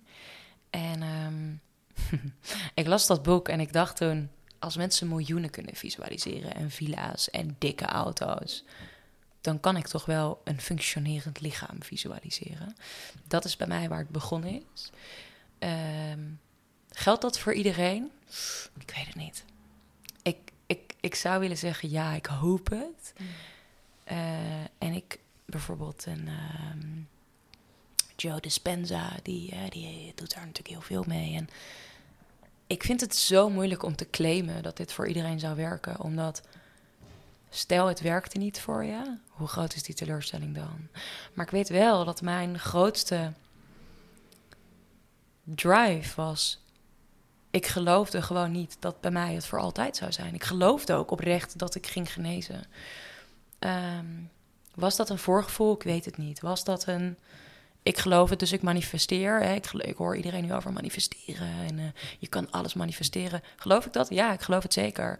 Maar als het niet lukt, is het dan jouw schuld? Doe je het dan verkeerd? Dat is zo'n stom iets waar we in zitten. Dan zijn er mensen die hebben echt een droomleven en zeggen ze, ja, het heb ik gemanifesteerd. Wat ze eigenlijk zeggen is, oh my god, ik ben zo goed, ik heb dit gedaan. Daarmee zeg je eigenlijk tegen degene die in een rolstoel zit, jij hebt dit ook gemanifesteerd. En ik vind dat zo rot, want nee, je kan daar niks aan doen. Misschien heb je door bepaalde trauma's of door wat dan ook, ben je een bepaalde kant op gegaan. Is het je schuld? Nee. Mag je naar de andere kant op bewegen? Ja. Mag je hulp zoeken? Zeer zeker. Maar ga niet iemand vertellen dat het je schuld is, want er is geen schuld. Ehm, is het een samenloop van omstandigheden? Ja, dat denk ik wel. Maar er is geen, ja, ik wil dat echt benadrukken voor iedereen die luistert en die door eenzelfde situatie gaat of mensen om heen. Er is geen schuld. Whatever the fuck it is. En ik denk dat uh, misschien is dat wel ook iets moois, dat mensen dat mogen voelen. Je kan hier niks aan doen. Dus ben je depressief, je kan er niks aan doen. Het is niet je schuld. Je hebt niks verkeerds gedaan. Um, ja, en ik denk dat als iemand dat tegen mij had gezegd, dat ik daar wel echt mee geholpen was. Ja. Oh, ik voel dit ook echt helemaal. Jij, ja. Ik zie ook bij jou nu die, dit echt soort, dat je bent echt een soort vuurtje of zo. Dat je, ja. Nee, maar ik voelde het ook echt, weet ja, je. Ik zie het. Als ik, als ik mijn, mijn, mijn 12-jarige ik, en daar begon natuurlijk mijn ziekte. En hé man, ik heb echt arts in het ziekenhuis gehad. Die zei, het zit tussen je oren. En ik, oh. ik heb echt op me, op, op, was ik 15, 16. Ik weet nog dat ik op een gegeven moment echt de wanhoop nabij was. Dat ik zei, al zit het tussen mijn oren, help me daar dan bij. Echt deze. En ik, ik voelde me zo verloren. Want dat ik op een gegeven moment dacht, oké, maar dan zit het tussen mijn oren. Maar doe ik het dan zelf? Heb ik mezelf dan de rolstoel ingepraat? Wat is dit? En, en met alle respect, want als een arts denkt, ja, het zit tussen de oren. Wat zit er dan tussen mijn oren? Hé hey man, alles zit tussen mijn oren, want de aansturing van mijn zenuwsysteem zit tussen mijn oren. Dus ja, hé, hey, ik raak verlamd. Ja, natuurlijk zit dat tussen mijn oren. Ja, wat is dit nou? Ik kan er echt kwaad om worden. Dus als er een arts luistert hoort, als je dit zegt, luister, let op deze woorden. Echt, neem ze mee. Het zit niet tussen iemands oren. En als dat wel zo is, zoek dan iemand die ze daarbij kan helpen, man. Dit is zo oh. herkenbaar. Want dit is ook precies zulke oh. uitspraken zorgen ervoor dat iemand wel denkt dat het zijn of haar schuld is. Ja. En ik heb dat heel lang ook zo gevoeld. En ik, ik voel deze ook echt bij jou. Ik zie ook dat het je raakt. Ja, ja, enorm. Hoe was dat voor jou? Mag ik je dat vragen? Mag ik vragen ja, terugstellen? Tuurlijk, hebben, we, hebben, we, hebben, we, een script? Mag dit? nee, ja, zeker. Oké, dankjewel. nou, ik, het, ik, ik, weet ook niet eens... Het, het voelt alsof alles wat ik ga zeggen, heb jij net gezegd. Maar um, ja het idee dat, je, dat, je, dat er geen oorzaak gevonden kan worden voor wat jij voelt. En artsen, weet je, arts, ik geloof echt, artsen hebben de beste intentie. Die willen echt mensen helpen, want anders word je geen arts. Zeker, 100%. Maar op een gegeven moment is er een punt dat artsen het niet meer weten. En dan moeten ze je voor een zorgzekering in een hokje duwen. En dan is het de stempel, we weten het niet, dus het zit tussen je oren, dus het is mentaal. En dat was ook, ik, ik was twaalf toen ik uh, een week in het ziekenhuis werd opgenomen voor onderzoek. En ik weet nog zo goed dat daarna inderdaad de, de behandelend arts tegen mijn ouders zei... Um, ja, waarschijnlijk is, is ze depressief. Ja. Maar daarna heb ik niet de juiste behandeling gekregen. Dus ze hebben al geconstateerd door alle onderzoeken dat er lichamelijk niets met mij aan de hand was. Want het was op een gegeven moment echt wel dat ze dachten: oké, okay, er zit, want ik had heel veel hoofdpijn en toen er is iets in de hersenen, er klopt iets niet. Nou, echt MRI-scans, kapjes, de hele jubam heb ik gehad. Ja. En dan trekken ze die conclusie en dan trekken ze daarna hun handen ervan af. Ja. Dat je denkt... Ja, maar alsof, alsof daarmee de kous ook af is. Ja. ja en dat is een label en dan... Ja, uh, en nou, dat is wel... Ik heb zo lang gelopen... Wat is er toen met jou gebeurd? Sorry dat ik je onderbreek. Um, nou, ik heb toen uiteindelijk wel een kinderpsycholoog gehad. Uh, daar heb ik twee jaar, denk ik, op en af bij gelopen. En dat heb ik een beetje met me meegedragen, zeg maar. Maar ik ben daar altijd met een hele sterke mindset doorheen gaan, doorheen gaan. En vervolgens ben ik om mijn 20ste, 21ste weer ingestort. Want dat is natuurlijk wat er gebeurt, want je hebt het niet verwerkt. Maar wat ik wel heel erg herken, is dat ik op een gegeven moment 18 was of zo. En toen begon ik in te zien dat ik inderdaad ehm, deels mezelf nou, niet heb ziek gepraat, maar dat het, met het fysieke, fysieke klachten was voor mij een manier om te vertellen dat ik niet oké was. Ja. Want je kan als kind niet Nee. uitleggen hoe je je mentaal voelt. Nee, Dat, dat nee. kan, die, die, die, je hebt het vocabulaire nog niet. Nee, natuurlijk niet. Maar wat moet je zeggen? Ik bedoel, Ja. een kind huilt of is blij. Ja, en dat is. En, en je snapt jezelf ook gewoon niet. Dat, dat zei je net ook. Maar ik snapte mezelf gewoon echt niet. En ik weet, ik was op een gegeven moment een jaar of 18 dat ik dat besef kreeg. En dat ik toen ook dacht van. Wow, maar dan was het dus allemaal mijn schuld. Ja. Dan heb ik dus mijn ouders. En het, ik weet nog zo goed het moment dat het klikte. En ik zat. Ik, dit is heel grappig, want ik was hier toevallig van de week nog over na aan het denken. Ik zat toen in, in mijn oude slaapkamer. En toen kwam mijn moeder binnenlopen. Want ik was daar aan het logeren of zo. Want ik woonde niet meer thuis. En ik zat echt jankend op de grond. En toen keek ik haar aan en zei ik: Mam, ik heb nooit hoofdpijn gehad. Ik heb gewoon tegen jullie gelogen. Oh, En ik voelde ja. daar zoveel schuld op. En zoveel van, oh, maar zie je wel, ehm, het is mijn schuld. Ik heb dit veroorzaakt. En ook met mijn buikpijn en alles. En dat, dat is dus echt doordat het systeem is er niet op gemaakt om mensen te zien. Nee. Het systeem is erop gemaakt, hoe kunnen we zo snel mogelijk mensen weer beter maken? Want er zijn heel veel mensen ziek. Nou, de cijfers bewijzen dat. Ja. En er is geen geld. nee. Ehm, Is er geen geld of is er geen budget? Nou, geen budgettering op de dat- juiste ja. richting? dat, nou ja, Ja. goede, goede aanvulling. Ehm, maar dat is, daarom vind ik het ook zo mooi dat je dit aanhaalt. Want ik, hij was zelf bij mij nog niet zo geklikt. Maar schuld in het ziek zijn is Ja. misschien nog wel een van de grootste oorzaken voor het onbegrepen voor, voor de eenzaamheid. Want jij voelt zo'n schuld en schaamte op het feit dat je ziek bent. Ja. ja. En dat is echt, ja, Mooi dat je dit aan je moeder hebt geadresseerd en dat je die moed hebt gevonden om dat te zeggen. Want ik kon gewoon niet meer. Het, is gewoon, en hoe daarna... reageerde jouw moeder daarop? het, ik, ja, ik was toen 18, 19 denk ik, dus ik weet dat niet meer zo heel goed. Maar volgens mij is ze toen naast me komen zitten. En ehm, we hebben, ik besef me ook dat we daarna eigenlijk niet meer echt gesprekken erover hebben gehad. En ik, ja, achteraf gezien denk ik ook van, het is ook allemaal een beetje nog zo'n waas of zo. Ik kom nu pas in een fase dat, dat dingen echt in elkaar beginnen te vallen. En dat ik ook weer opnieuw ehm, in therapie wil gaan. Maar ik heb gewoon tot nu toe nog niet een goede psycholoog gevonden. Omdat mijn Hmm. het, het is best wel een groot ding als je dit weer gaat ontrafelen. Dus het moet gewoon goed voelen. En ik heb al zoveel psychologen en therapeuten gezien. Ja.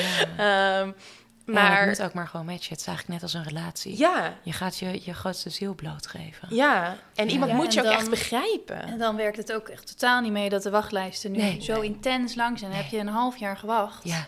En En, dan, dan- denk je, en dan en denk je, nou, ik heb iemand, laat Ja. ik maar vasthouden. Ja. En dan vervolgens heb je al je muren nog omhoog en durf je je dus niet helemaal bloot te geven. Maar ja, je bent wel aan het meest kwetsbare wat je hebt aan het werk. Ja. Ja, dus dit eigenlijk, want dit gaat natuurlijk over nou, meer dan tien jaar geleden. Ja. Maar eigenlijk op dit moment, ik denk niet dat daar heel veel in veranderd is. In Hey, hoe daar nee. nu mee wordt omgegaan. Nee joh, want ik zal je, ik zal je zeggen dat ik anderhalf jaar geleden of zo, eigenlijk twee jaar geleden, dat ik toen ik die hernia kreeg, dat ik dacht, ik, ik moet weer met iemand praten, want ik beland nu weer in dezelfde pijnstukken. Ik heb gewoon meer dan een jaar op de wachtlijst gestaan. Dat is gestoord. Ja, En ik kan best wel een soort eh, rationaliseren. Dus ja. stel je voor, je zit in een hele diepe depressie. ja, maar dit. Ah, Ja. Wat ga je doen?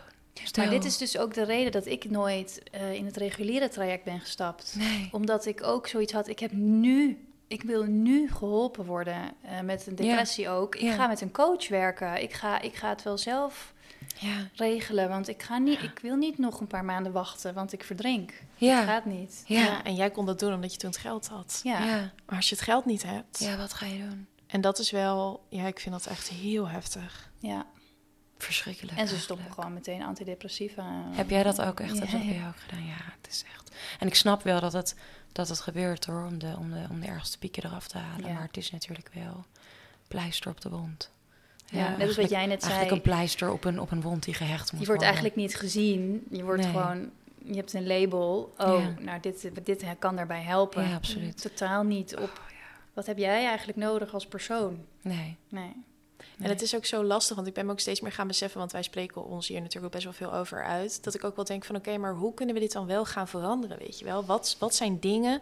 Want we kunnen heel makkelijk nu zeggen, oké, het systeem werkt niet, want het is echt het systeem. Het is niet, zijn niet de mensen die erin zitten, het is echt hoe het systeem Ja. nu erop is gebouwd. Want al die mensen die zijn, weet je, je gaat niet zomaar in de zorg. Dat is gewoon, daar ben ik heilig Nee, van overtuigd. Nee, en ik denk ook dat... Ik heb natuurlijk best wel veel zorgverleners ook gesproken. Ook over mijn eigen verhaal. En ook gewoon over mensen die ik dan best wel goed ken. En zij zitten echt met de handen en voeten gebonden aan protocollen. Ze kunnen Ja. geen kant op. En ik, ik, ik word daar helemaal gek van als ik dat hoor. En ik niet naar hen, maar gewoon Nee. meer dat ik denk, er zijn zoveel mensen die hulp en zorg nodig hebben. En hoe kunnen we dit nou doen? En ik, mijn fantastische brein die overal oplossingen voor bedenkt, die heeft al duizend businessplannen hieromheen bedacht.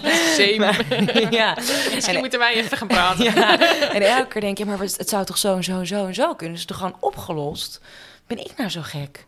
Maar ja, Nou, Maar het is wel mooi hoe we eigenlijk allemaal op onze eigen manier wel steentje bij een steentje hier aan bijdragen. Ja. Jij natuurlijk ook met wat je doet met je bedrijf. Wij wat, wat, met wat we doen met met bloot. blootgaan. Ja. En mensen inderdaad meer eh, te laten voelen en kwetsbaar te durven zijn. Ja. En het gaat het niet oplossen, maar wel gewoon, het zijn gewoon kleine stapjes. Ja. Die we, gewoon wat wij zelf kunnen doen. ja, Ja, absoluut. en ik denk ook dat erkenning en, en juist door het blootgaan, door dit soort gesprekken eh, aan te gaan met je omgeving, maar ook om het op te durven nemen, dat Ja. gaat al zoveel doen. Het gevoel Ja. hebben dat je niet alleen bent en ook in het, ik zeg altijd, ik heb het gevoel alsof ik de handleiding niet heb gekregen van het mens zijn. Hmm, Als je mensen daar erkenning in geeft van, joh vriendin, ik weet ook niet waar ik mee Nee. bezig ben, nee. dan is het blijk- waarschijnlijk al een therapiesessie minder. Maar weet je wat het ook is?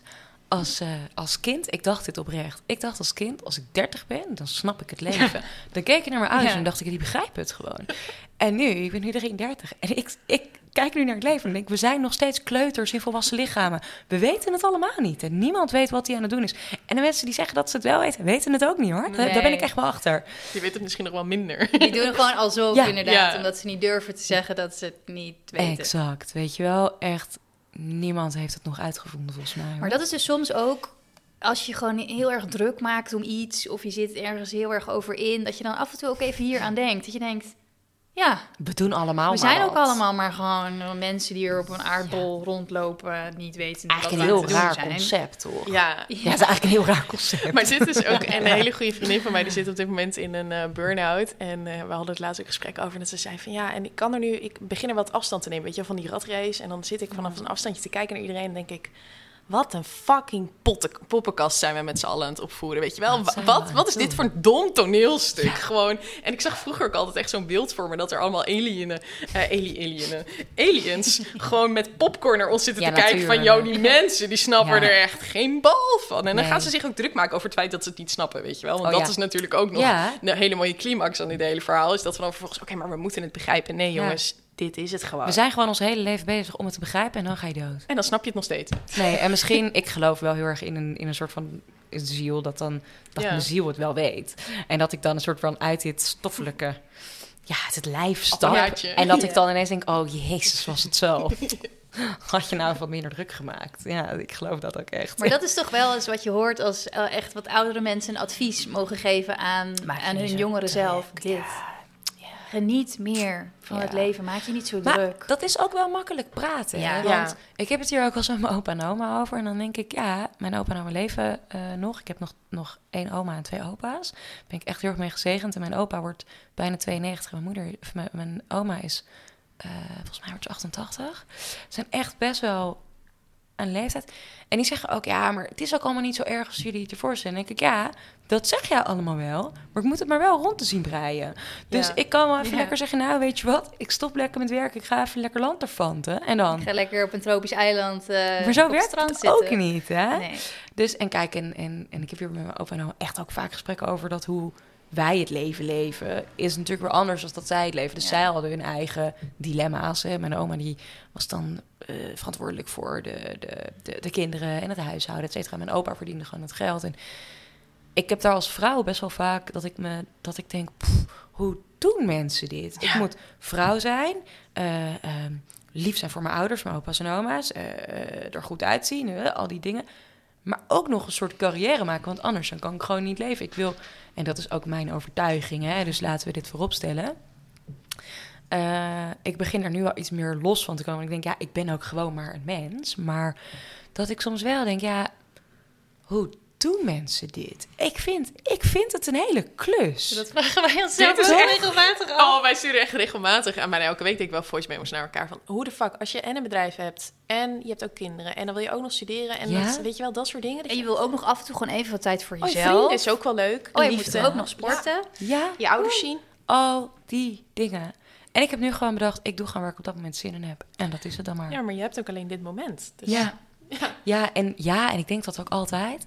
Maar dat echt voelen en doorleven, och, dat is echt niet makkelijk hoor. Nee. Ja, Ja, mooi. Ja, je hebt toch? gewoon alleen maar dit moment. Ja. Ja. Ik doe gewoon waar ik Ja. zin in heb. Ja. Ja. ja. Wel een mooi motto. Ja, eigenlijk bij te wel. leven. Ja. Ja. En dat klinkt heel egoïstisch. Ik doe waar ik zin in heb. En soms heb ik gewoon even zin om naar mijn opa en oma te gaan en lekker met ze te kletsen en de afwas voor ze te doen. En soms heb ik zin om naar mijn ouders te gaan. Ik had een aantal weken geleden bijvoorbeeld ehm, eh, eh, stuurde mijn ouders me een eh, appje waarin ze vertelde dat hun hond was overleden. En ik merkte aan alles, ze zijn echt, want hij overleed, eh, eh, overleed plotseling. En eh, ik merkte echt aan alles, ik moet nu naar toe. Dus ik heb echt mijn hele agenda leeggegooid. En ik dacht, ik wil nu gewoon bij mijn ouders zijn. En ik heb daar gewoon een week, eigenlijk gewoon, ben ik met ze geweest. En dacht ik gewoon, oké, ik heb mijn programma's, die draai ik en die doe ik. En voor de rest, ja, jammer dan. Jammer dan. Dan, is het, dan doe ik maar even niks. Dan verdien ik maar even geen geld. Ik wil nu gewoon met mijn ouders zijn. En dat is de mooiste week ooit. Weet je, omdat ik gewoon met ze in de kwetsbaarheid mocht zijn. In, en ik was echt aanwezig en dat vond ik echt cool. Dat ik dacht, hé, hey, ik ben wel zo gegroeid. Vroeger had ik gedacht, ja, eh, ik vind het echt heel vreemd voor jullie, maar kan er nu niet zijn, want ik moet werken. En nu dacht ik gewoon, werken voor wat eigenlijk? Waarom? Ja, ik moet, tuurlijk moet ik meer betalen en zo. Is het erg als ik er een week niet ben? Nee, man. En Gaat iemand is- me echt missen? Nee, man. Gaan mijn ouders me echt missen als ik, er niet, als ik er niet ben en ze zitten echt in tranen? Ja, die gaan me echt missen. Ga ik mezelf voor mijn kop slaan als ik er niet ben? Ja. dat is ook wel echt. Ja, je hebt ook alleen, zeg maar, tijd is het kostbaarste wat je hebt. En hoe wil je die tijd spenderen? En ik denk dat we zo vaak ook, oh, ik heb hier ook zoveel mooie gesprekken over gehad, maar de afgelopen tijd. Maar ehm, je wil niet terugkijken en denken, had ik maar meer tijd gespendeerd met de mensen waar ik echt van hou en de mooie Nee. gesprekken gevoerd, weet je wel? En dat is wel, dat is, ja, ik snap hem helemaal. Ja, ja. Jeetje. Prachtig. ja. Meert, heb jij nog eh, iets wat je wilt delen over het onderwerp waar wij het over Mm. hebben gehad in dit podcast? We zijn een beetje Iets eh, wat we zijn vergeten of... Hmm, mooie vraag. Ehm,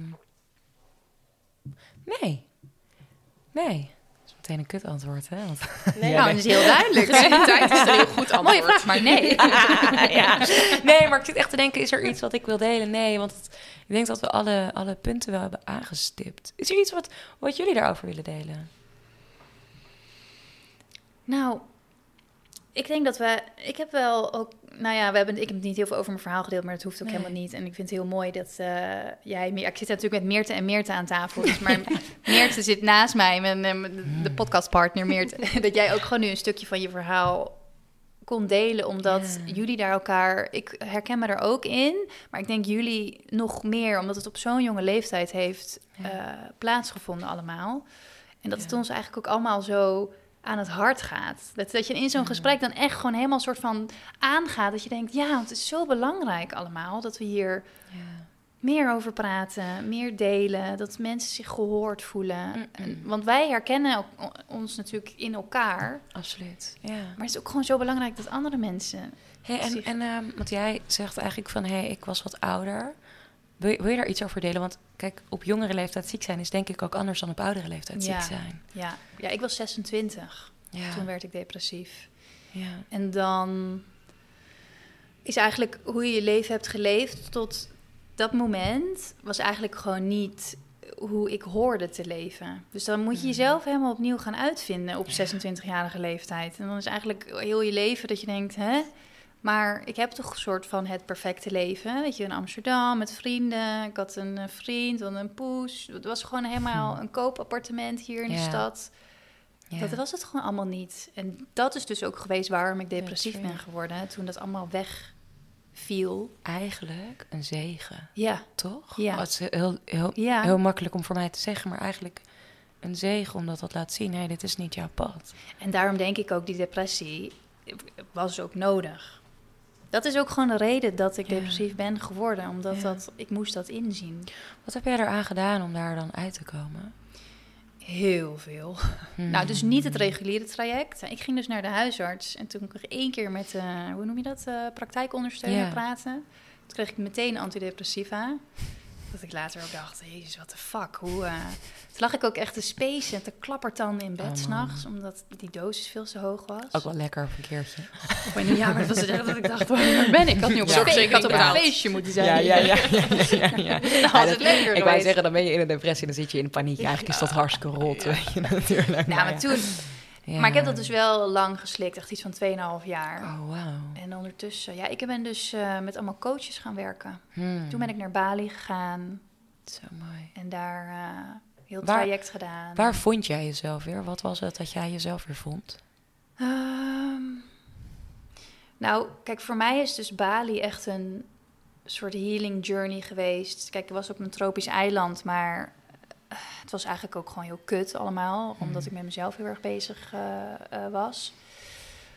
Ik heb mezelf echt gevonden in ehm, dat ik ook gewoon leerde wie ik was en Ja. waar ik blij van werd. En dat dat dus niet het plaatje was wat ik in mijn hoofd had van, oh, ik moet eh, een baan en een Mhm. huis en een vriend en dan maar gewoon Ja. en dan straks een groter huis kopen, want kinderen. En Ja.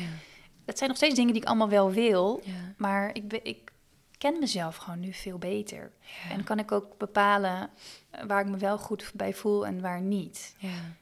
Ehm, ja, En denk jij, denk jij dat, ehm, het is een beetje een eh, vraag waarin ik het een beetje invul, maar denk jij dat, omdat we op zo'n jonge leeftijd al moeten bepalen wie we, wie, wie, wie zijn, wie we moeten zijn, wat we willen worden, dat daardoor heel veel mensen het verkeerde pad op, werden, op worden geduwd bijna? Of nou ja, dat ze, dat ze, dat, hoe is dat bij jou geweest? ja. Ehm, ik Begrijp, denk begrijp je mijn vraag? Ja, hè? Ja, Het is een beetje een onduidelijke vraag, maar ja. ik denk dat je me snapt. ja, maar er wordt natuurlijk als je jong bent van alles van je verwacht. Er is helemaal geen. Je, gaat naar school, Ja. je gaat studeren, je gaat je rijbewijs halen, eh, je gaat.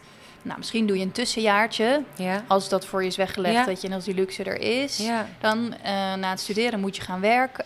Het was allemaal zo. En ik deed dus alles volgens het perfecte plaatje. Ik haalde het allemaal in één keer. En ik dacht van, nou, want dit hoort.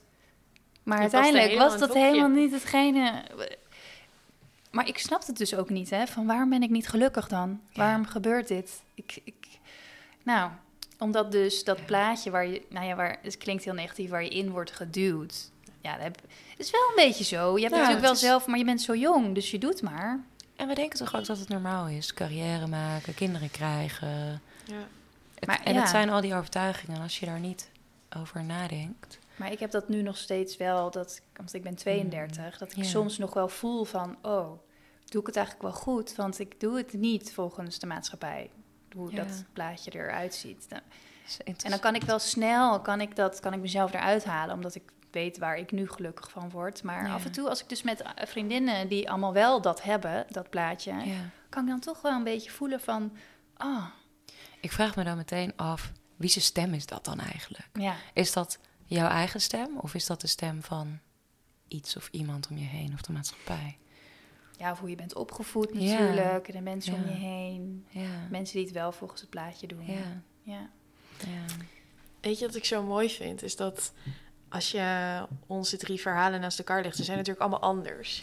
Maar daarin geloof ik wel dat het ziek zijn essentieel is geweest in Mhm. hoe we nu niet alleen in de wereld staan, maar ook hoe we beetje bij beetje ehm, onszelf nuttig maken ja. en voldoening vinden. En daardoor zelf ook heel erg voelen van... oké, ik, ik ga dat proces meer accepteren. Het feit dat het er is geweest. Omdat ik weet waar het goed voor is, tussen haakjes. Ja. En Meert zei natuurlijk net ook al heel mooi van...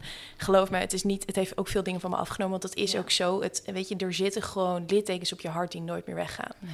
Ehm, en daar moet je mee leren dealen. Dat is gewoon wat het is. Maar het heeft ons ook heel veel gegeven. En dat is ook...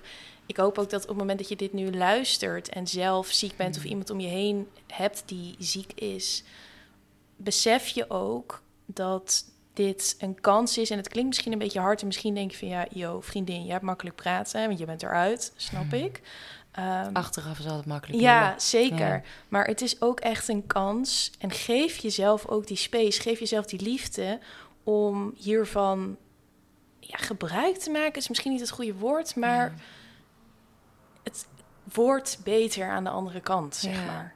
En je Ja. kan dit als je brandstof, want zo zie ik het heel erg. Dit is echt voor ons alle drie onze brandstof van ons Ja. vuurtje. Ja. Mhm. Mooi. Ja, Ja. ik vind dat ook een mooie.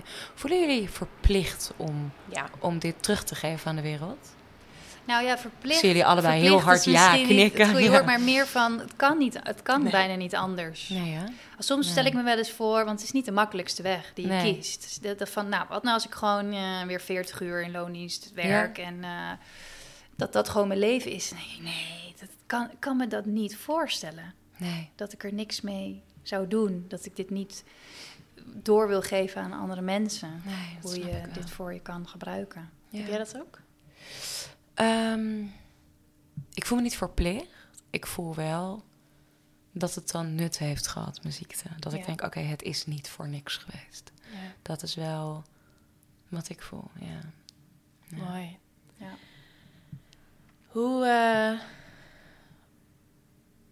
hoe voel je je nu? Nog steeds een beetje gespannen. Hebben jullie dat ook?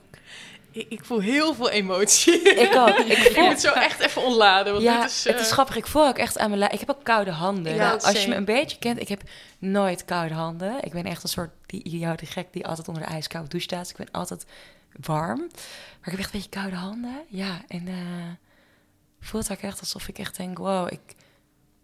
Ik weet ook oprecht niet of ik ooit zo, eh, zo open ben gegaan over mijn verleden. Vind ik echt mooi. Dus die, die space, ik voel ook echt een beetje die, die energy bubble bijna. Ja. Hè? Ehm,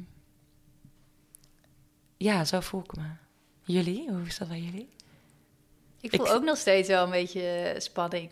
Ja. Maar wel, we zijn echt zo de diepte ingegaan. Dat vind ik zo Ja. mooi, dat wij die, die safe space bij elkaar voelen. En ik vind het ook Ja. heel mooi wat jij zegt van... eh, dat je nu zo kwetsbaar je verhaal hebt gedeeld. Dat je ook Ja. dat hebt gedurfd. En, Ja, en credits je, zijn ook en zeker naar veilig jullie. voelt. Ja. Ja. maar ook echt credits voor jou hoor. Dat je, ehm, dat je het ook nu zo, ook hoe je het vertelt, zo rustig. En je kan het zo goed onder woorden brengen. Ja, thanks. Ja, mag je echt trots op zijn. Dankjewel. Nou, ik denk dat we dat met z'n vieren eigenlijk heel mooi doen, hè? Ja. ja. ja. Ja, Sabine is hier ook bij. En Sabine is, dat hebben we eigenlijk nooit... Ja, Sabine is onze huisfoto- en videograaf en, en onderdeel van Bloot. En die heeft net... En ik, het is grappig, want ik keek net even naar Sabine... en ik zie ook dat zij eh, geraakt is. Ja. Eh, Je voelt ook als een spaceholder. Ja, Ja. mooi. Ja, zo voelt het. Ja. Ja, Ja. ja ik, ik moet echt even landen. En ik, ik ben ook Ja. echt wel geëmotioneerd, merk ik. Dat ik Wat? echt... Wat maakt je geëmotioneerd? De erkenning. Huh. Ja. En, eh, ja, Ja. ik... eh, En voor mij ook wel de, de be- belangrijkheid, Ja. is dat een woord? Ja, De- we maken het een woord. Dat het de belangrijkheid van dit onderwerp, Ja. dat, het, dat ik voel het ook Urgentie is het bijna, precies, hè? dat Ja. ik, oh, dat ik, weet eigenlijk ook niet zo goed wat ik ermee aan moet met dit gevoel van, Nee. ik wil er iets mee, weet Ja. je wel? Ik wil, dat ik, doe je al oh. lieverd. Ja, we, doen er al iets mee, Ja. maar ik snap Ja. hem Ja. helemaal. Ja. Ja. Oh, Oké. Is het nog gepast, het laatste? Ja, dat is nu de vraag Ja. aan jou. Ja, het is grappig. Ik, ik zat net al terwijl we het gesprek hadden, dat ik dacht, want jullie, hè, jullie hebben altijd een, of altijd, jullie hebben een, een vraag dat ik jullie de kleren van het lijf Ja. mag vragen. En ik Ja. had een hele grappige vraag voorbereid. En nu denk ik ook, nee, die past zo niet bij het thema. Wat ik wel, waar ik heel erg benieuwd naar ben, en dat is, daar is geen kort antwoord op, maar ik ben er wel echt benieuwd naar, is, we hebben natuurlijk het thema behandeld van de eenzaamheid, van hè, van het, ziek zijn, het onbegrepen zijn. Ik ben eigenlijk gewoon benieuwd hoe is dat voor jullie geweest. Ik denk dat dat een hele mooie, nou ja, als ik, als ik het mag zeggen, afsluiter is. Heel mooi. Sorry als ik de leiding hier neem, maar, Nee, heel Nee, graag. dat mag. Ja. mag. Ja. Ehm, maar ik denk dat dat, ja, ik ben benieuwd hoe dat voor jullie is geweest. En ik kijk nu Ja. naar jullie allebei, maar je moet natuurlijk, het is voor jullie natuurlijk allebei heel Ja, wij kennen natuurlijk eenzaamheid allebei heel erg, maar op een hele andere manier, denk ik. Ja. Ehm, ik heb me extreem eenzaam gevoeld toen ik eh, in die depressie ben beland. Maar dat was niet omdat ik me onbegrepen voelde, denk ik. Maar meer, ik kon gewoon niet alleen zijn met mezelf. Ehm, en als ik dus ehm, alleen thuis was en mijn vrienden waren dan gewoon allemaal leuke dingen aan het doen, dan voelde ik me zo extreem eenzaam, omdat ik gewoon niet in mijn eigen gezelschap kon zijn, kreeg ik dus ook paniekaanvallen. Dan lag ik huilend Ja. op, de, op de vloer in mijn kamer in Mm. Amsterdam. En ook dat is een stukje eenzaamheid, maar dat is misschien meer niet alleen kunnen zijn. Bij mij is de eenzaamheid ook heel erg gekomen uh, toen mijn relatie uitging, waarna ik dus depressief ben geworden. Dat ik op zondag, als ik dan niks te doen had, dan voelde ik me zo verschrikkelijk eenzaam dat ik dus ook, ik kreeg altijd paniekaanvallen als ik uh, me eenzaam voelde. Maar dat kwam ook gewoon omdat ik gewoon kon niet met mezelf zijn. Ik vond mezelf geen leuk gezelschap. Ik was super onzeker. Ik, ik had nul zelfliefde. Ja, dan is het ook niet gek dat je je natuurlijk eenzaam gaat voelen. En ik voelde me ook best wel vaak eenzaam als ik met mijn vrienden was. Heb je dan nu uh, nog steeds met dezelfde vrienden die relatie verdiept? Dus dat je je niet meer eenzaam voelt bij mensen? Of heb Ja. je dat nog steeds? Nee, maar dat komt Nee. gewoon omdat ik me nu zelf zoveel beter voel. Ja. Ik zei het vandaag, ik weet niet wanneer, ik zei ik het vandaag. Of dat ik heb bijvoorbeeld morgen, morgen is vrijdagavond. Ja. Vroeger, als ik niks te doen had, lag ik echt letterlijk huilend op de grond. Ja. Omdat ik dat zo verschrikkelijk vond. Nu heb ik morgenavond niks te doen. En ik denk, oh, Ja. het is dus echt het fijnste ter wereld dat ik een avond voor mezelf heb. Hoe, hoe dat kan veranderen in, in een aantal Ja. jaar tijd. En dat Ja. komt omdat ik gewoon me- mezelf veel leuker vind. En met Ja. mezelf kan zijn. Nou, en misschien ook dat we alleen zijn of dingen alleen doen. Dat is geen eenzaamheid natuurlijk. Eenzaamheid zit in onszelf. Ja. Ja, dat denk ik ook wel. Wil jij Mooi. nog delen over jouw eh, ervaring daarmee? Ja. Nou ja, wat ik sowieso even wil zeggen is dat wij Hmm. hier natuurlijk een eh, aflevering over op hebben genomen. Ja. Eh vorig Een seizoen. Twee leuk. Oh, dat hebben jullie ook. over Ik heb eenzaamheid. niet, Nee, maakt ik heb helemaal niet uit. niet lieverd. geluisterd. Maakt Ik val echt zo hard door de mand. nee, dat maakt helemaal niet uit. Nee, nee. Ehm, ja, Eh, weet je, ik heb hier zoveel nog over te zeggen. Ehm, maar wat ik bij mezelf vooral nu heel erg voel, is dat... ehm, het, ik, ik heb me echt, eigenlijk denk ik vanaf mijn tiende, elfde heel erg onbegrepen gevoeld. En een van de oorzaken daarvan was dat ik vanaf jonge leeftijd al bezig was met veel te grote levensvragen. Ja. Ehm, en dat, ik, ik, ik snap nog steeds niet helemaal waarom ik dat doe, waarom ik zo ben, waarom ik de niet had toen ik tien was, om eens even te gaan afvragen wat eigenlijk de zin was van het leven. Want als je tien bent, dan hoor je gewoon hele andere dingen te doen. Nou, nee, hoort dat zo? Of Nou denken ja, wij dat dat dat, hoort? dat denken wij, dat, Mm. dat is het natuurlijk Ja, ook. Juist om Ehm, jezelf voor in dat hokje te plaatsen. ja. maak je. Ja. Ja, ja. en het was wel, weet je, ik heb zo vaak gedacht van, weet je, er is iets mis met mij, ik ben gek. Hmm. Het, het- er is gewoon iets mis met mij. En het, het heeft echt tot het extreme aan toe ervoor gezorgd dat ik gewoon ook me er zo voor schaamde. Waardoor je dus inderdaad ook gewoon geen begrip kan creëren. Want je bent continu bezig Ja. met hoe kan ik zo snel mogelijk weg van het feit dat ik gek ben. Ja. Ehm, En ook misschien maar aan de maatstaaf van de ander ja, leven. ja, of in ieder geval het- het ook nogmaals niet onder woorden kunnen brengen. Ja. Ehm, en Hmm. het is gewoon, het- dat hele proces is, is, is zo eenzaam geweest. En ik, heb- toen je ook net vertelde over dat moment in je kamer en zo, daar, die herken ik zo. Ik ben echt gewoon een half jaar lang elke, elke werkdag gewoon alleen geweest, van negen Ja. tot vijf. En dat, dat hoort een kind gewoon niet te zijn. Ehm, en dat tekent je enorm. En dat is gewoon, dat, dat zit hem nu nog steeds in als je nu dan weer alleen bent. Eh, als je nu dan weer, eh, ik ben dan bijvoorbeeld afgelopen weekenden best wel veel alleen geweest, omdat ik door de week heel veel werk en dan even niet de energie heb om naar andere mensen toe te reizen, want iedereen woont niet in Den Haag. Want ik heb er een jaar geleden voor gekozen om naar de andere kant van het land te verhuizen.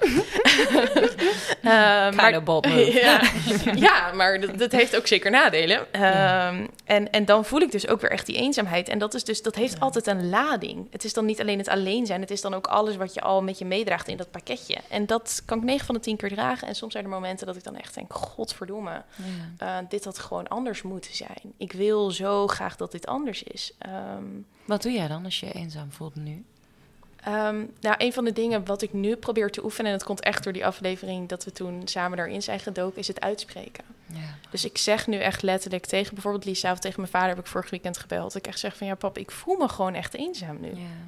Ehm, en dat is oké. Ja. Dat, dat hoort er ook bij. En ik denk ook dat, weet je, het, het, want het is heel mooi. Ik denk dat mensen ook heel vaak weer denken dat op het moment dat je eenzaam bent, dan heb je iets verkeerd gedaan. Ja.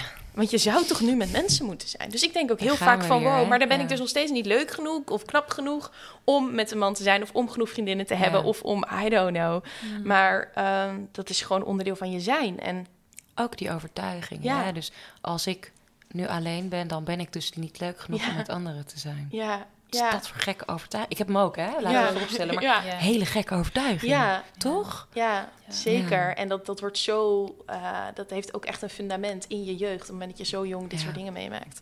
Dus ja, ja, Hmm. Jeetje vrouwen. Volgens mij zouden wij hier nog gewoon Ja. nog een keer anderhalf uur kunnen Ja. zitten. Makkelijk, Ja, ja. makkelijk. Oh, Ehm, ik denk dat deze vraag is vrij eh, is een Ja. open deur. Hoe bereid waren we om bloot te gaan over dit thema?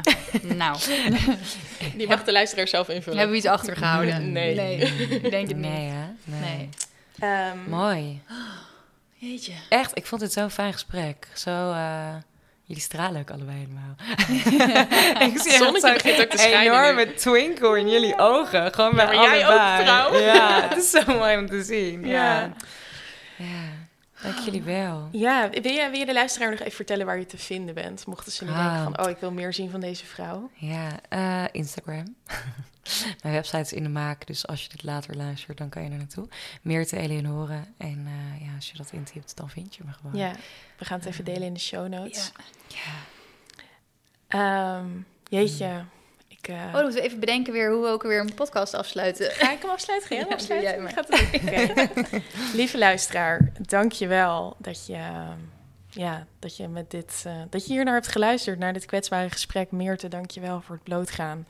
Ik had veel verwacht, maar niet dit. Ehm, Je bent een hele bijzondere eerste gast. En je hebt de toon gezet in het level hoe jij bloot durft te gaan voor de volgende gasten. Dus mocht jij weten dat je bij ons op de agenda staat, be prepared.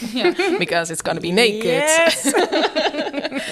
Ehm, Ja, we zijn je enorm dankbaar dat je dit avontuur met ons hebt mogen willen aftrappen. En ehm, jij gaat zeker nog een keer terugkomen bij ons volgend seizoen. Dat voel ik aan Zo leuk. alles. Nou. Dat is echt, eh, ja, het was een hele bijzondere ervaring. Eh, luisteraar, mocht je dit gehoord hebben en denken, nou, ik wil hier meer van. Op Spotify en iTunes kan je natuurlijk sowieso je notificaties aanzetten. Dan krijg je van ons een pop-up op het moment dat wij een nieuwe aflevering met of zonder gast eh, uploaden. Daarnaast help je ons echt enorm. En dit zeggen we elke aflevering, maar het is echt zo. Je helpt ons enorm op het moment dat je ons sterretjes geeft of een recensie. Want dat zorgt ervoor dat wij meer mensen kunnen bereiken. En dat mensen echt zien dat we hier mooie dingen aan het doen zijn. En dat zijn we. Je kan hem ook delen. En ik denk dat dat misschien nog wel een van de belangrijkste dingen is die ik over deze aflevering zou willen zeggen. Mocht je geraakt zijn, mocht je iemand kennen in je omgeving die op dit moment ziek is, of iemand naast zich heeft staan die ziek is, deel deze aflevering alsjeblieft. Want erkenning is heling. Dat, dat is gewoon echt wat het is. Ehm, Delen is helen. Delen is helen. Precies. Ja. Ja. Tag ons, eh, stuur ons een berichtje op het moment dat je hier iets over wilt delen. Eh, wij zijn er. Ehm, en we zijn heel benieuwd hoe dit gesprek voor je was. Dat was hem, hè? ja, Ja. dat was hem. Dankjewel, Dankjewel. Meerte. Dankjewel. Ik vond het een heerlijk gesprek. En luisteraar, dankjewel voor deze road. Tot de volgende. Tot de volgende.